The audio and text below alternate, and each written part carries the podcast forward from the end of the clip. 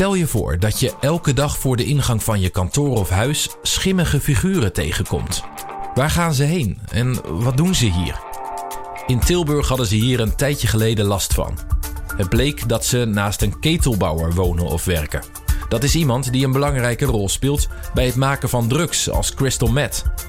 Ketelbouwers maken in principe ketels voor legale toepassingen, zoals bierbrouwen. Maar soms maken ze ook ketels voor drugs. En dat is uiteraard illegaal. Mijn naam is Martin de Wit. Dit is de politiepodcast Onder je neus, aflevering 2.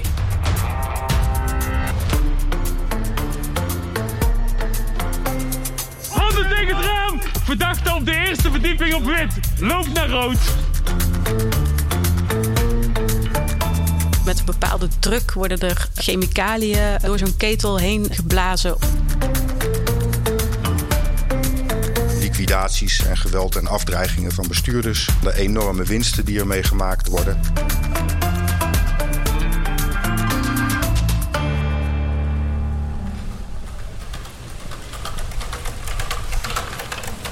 Je fietst elke dag door je eigen wijk. Je straat uit, langs je buurtsuper, de bloemenwinkel, de nagelsalon en natuurlijk de ijszaak op de hoek. Niets bijzonders, toch? Maar als je weet hoe je moet kijken, dan kun je een heel andere wereld zien. Onschuldig lijkende locaties kunnen namelijk een dekmantel zijn voor criminele activiteiten. Denk aan een restaurant dat geld witwast en aan hennepkwekerijen bij de buren. Het klinkt als een ver van je bedshow, maar het gebeurt vaker dan je denkt. En dus allemaal onder je neus. Dat zorgt voor onveiligheid in jouw buurt. Jij kunt ons helpen deze criminelen te spotten en er melding van doen. In deze podcastreeks Onder je neus vragen we jou om hulp. Verdachte op de eerste verdieping op wit. Hij staat aan. Oké, Super, super. dankjewel. Jo. Het is 29 september 2020. Het is heel vroeg in de ochtend in Tilburg. Zo'n 250 politiemedewerkers maken zich klaar voor verschillende invallen. Een van hen draagt speciaal voor deze podcast een bodycam. En daar hoor je nu het geluid van. Ja, weet je, het gaat niet om het beeld. Dus, want dat gebruik ik niet. Ik gebruik alleen de audio. Meerdere teams, meerdere locaties, allemaal in het diepste geheim. Een van de teams bestaat uit een flinke groep agenten, bij elkaar zeker acht man. Ze verdelen zich over een paar auto's en gaan op weg naar het huis van een van de verdachten. Die hoofdverdachte is een man uit Tilburg. De politie denkt dat hij iets te maken heeft met drugshandel. Hij zou ketels bouwen. Een speciaal type ketels dat ze in drugslabs hard nodig hebben. En die man heeft dat niet één keer gedaan, het zou gaan om tientallen keren. En om drugslabs in Nederland en België. Nou is de man geen drugsmaker of verkoper, maar toch wil de politie hem graag van de straat hebben. De politie probeert namelijk op alle mogelijke manieren de drugshandel te verstoren. Dan komen de agenten aan op hun bestemming. Ze parkeren de auto's. Ze lopen het laatste stuk. Heel zachtjes, zodat niemand hen hoort. En dan vallen ze het huis binnen. Ze beuken op de deur, trappen hem in en gaan met flink veel lawaai naar binnen. Politie! Politie!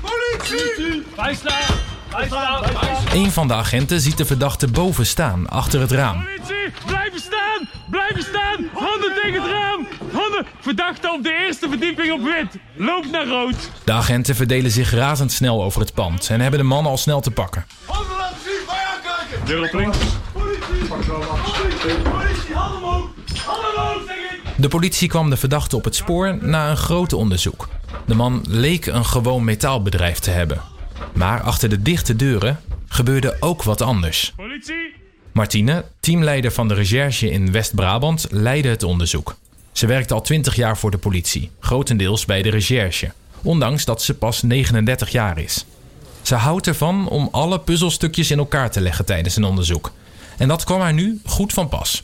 We zijn op eh, 29 september eh, naar binnen gegaan op 17 locaties. We hebben zeven mensen aangehouden. Daar waren een aantal mensen onder die de ketels gemaakt hebben en een aantal afnemers van ketels. Ehm, we hebben luxe goederen in beslag genomen, cashgeld, machines en apparaten waarmee uh, ketels gemaakt zijn. We hebben vuurwapens aangetroffen. En we hebben ook nog wat MDMA en amfetamine gevonden. Je zal er maar naast wonen of werken. Naast zo'n metaalbedrijf waar iemand ook ketels maakt voor drugslabs. Dat is geen veilig gevoel. Ja, vorige week stond er in één keer een grote hoeveelheid politiemensen voor de deur. toeters en bellen. Dit is de buurman. Die werkt in de bibliotheek naast het metaalbedrijf. En we hadden eigenlijk helemaal niet in de gaten wat er aan de hand was. We konden ons eigen terrein niet op. De chauffeur die s'morgens als eerste aankomt, moest uh, zich ook legitimeren. De biep zit op zo'n 60 meter afstand van het metaalbedrijf. Er zit nog één bedrijf tussenin. De buurman werkt er zelf nu zo'n acht jaar en is onder andere verantwoordelijk voor de inkoop.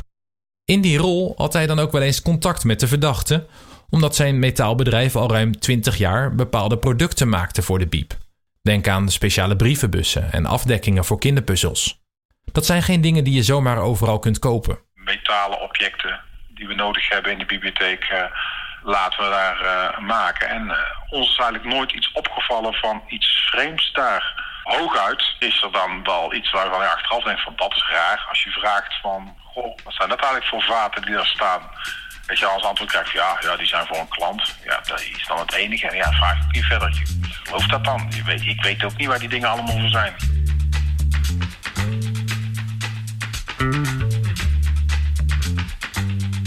Gebruik van synthetische drugs, zoals crystal meth en ecstasy, wordt in Nederland een steeds groter probleem.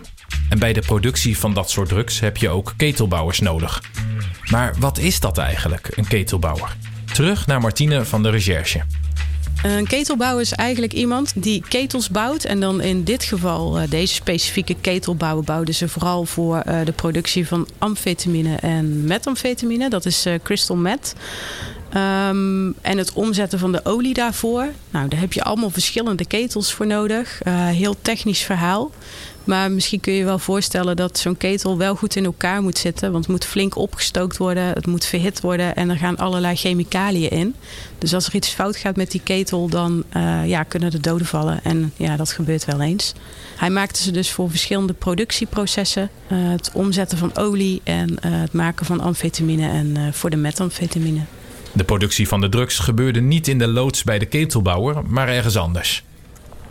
Er zijn ook bedrijven die ketels maken om bijvoorbeeld bier in te brouwen.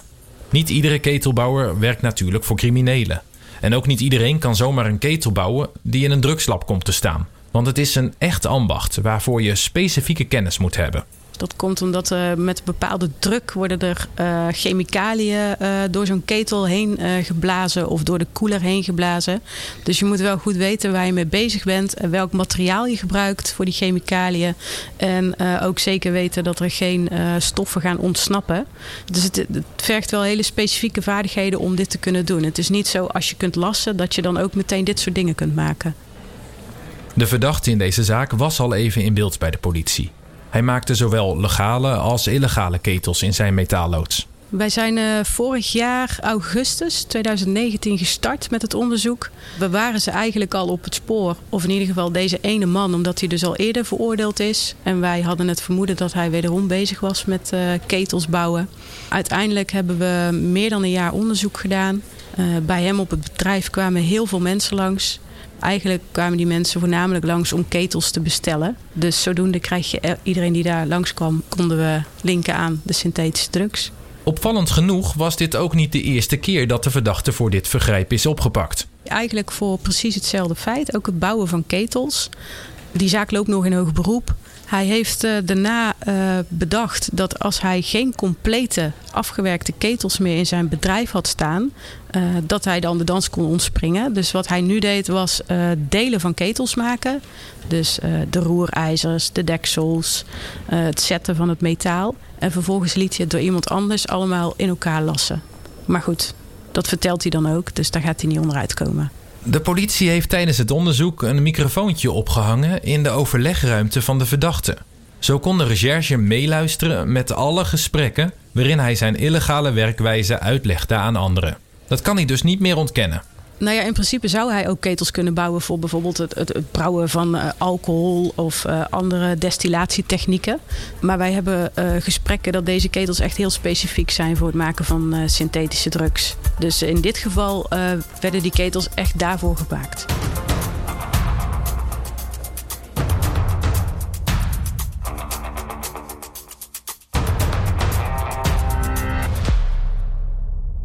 De politie richt zich steeds meer op het verstoren van de drugswereld in Nederland. Carlos is verantwoordelijk voor de drugsaanpak bij de landelijke eenheid van de politie. Hij is een sportieve man van 56 en werkt al bijna 40 jaar voor de politie. Sinds vier jaar is Carlos als programmaleider alleen nog maar bezig met het bestrijden van drugs in Nederland. Hij legt uit waarom dat zo belangrijk is.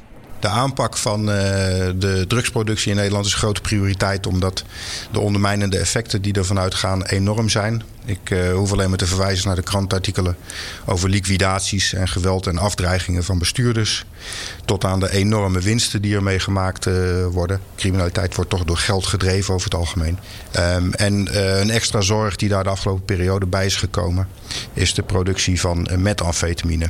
Wij zien dat er behoorlijk wat producenten van synthetische drugs de overstap maken naar de productie van methamfetamine. Dat is omdat daar nog veel meer geld in te verdienen valt. Je kunt praten over het tienvoudige daarvan.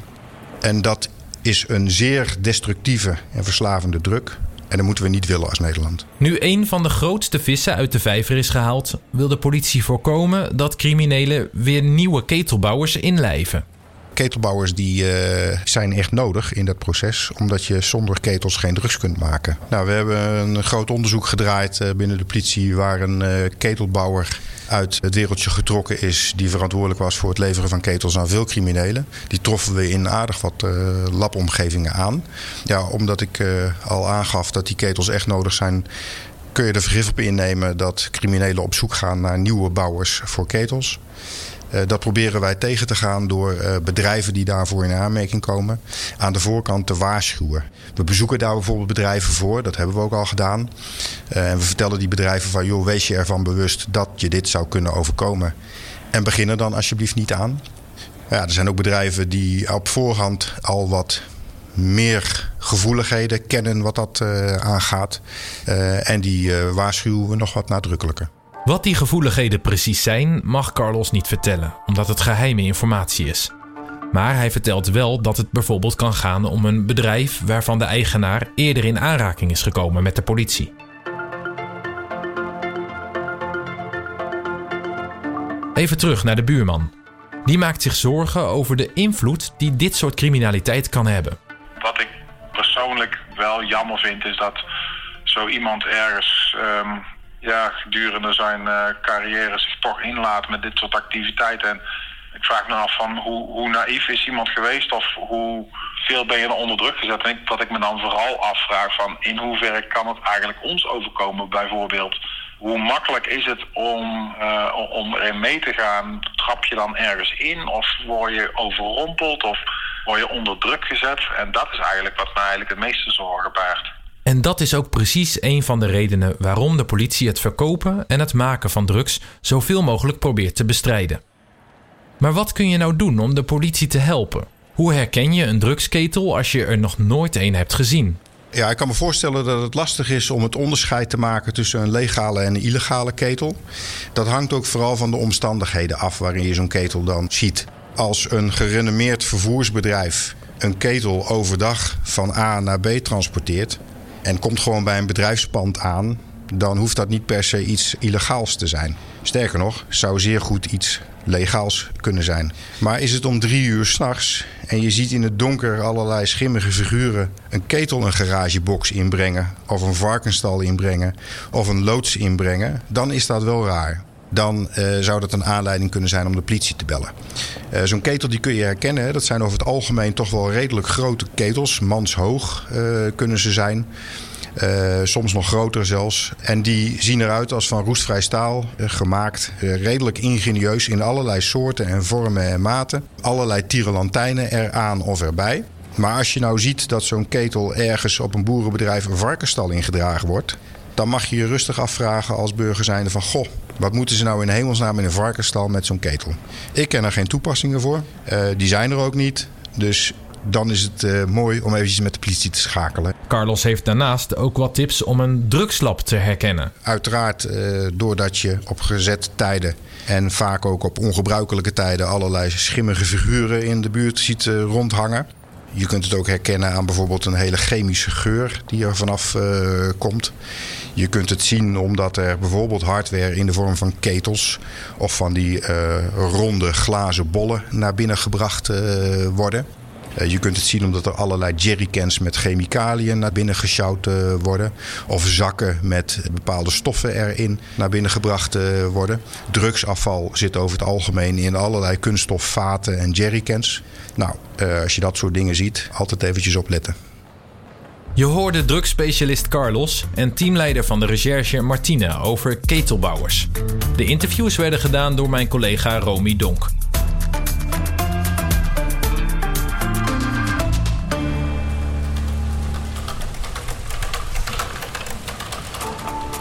Als jij nou iets ziet wat te maken kan hebben met een drugslab, bel dan de politie via 0900 8844. En heeft het haast, dan kun je natuurlijk altijd 112 bellen. Je kunt ook altijd even je wijkagent aanspreken. Wil je liever anoniem blijven? Dat kan ook. Ga dan naar meldmisdaadanoniem.nl of bel met 0800 7000. Tot zover deze aflevering van de Politie Podcast. Heb je nog een vraag over deze podcast? Of heb je een idee voor een volgende aflevering? Dan kun je ons mailen op podcast.politie.nl. Mijn naam is Martin de Wit. Bedankt voor het luisteren.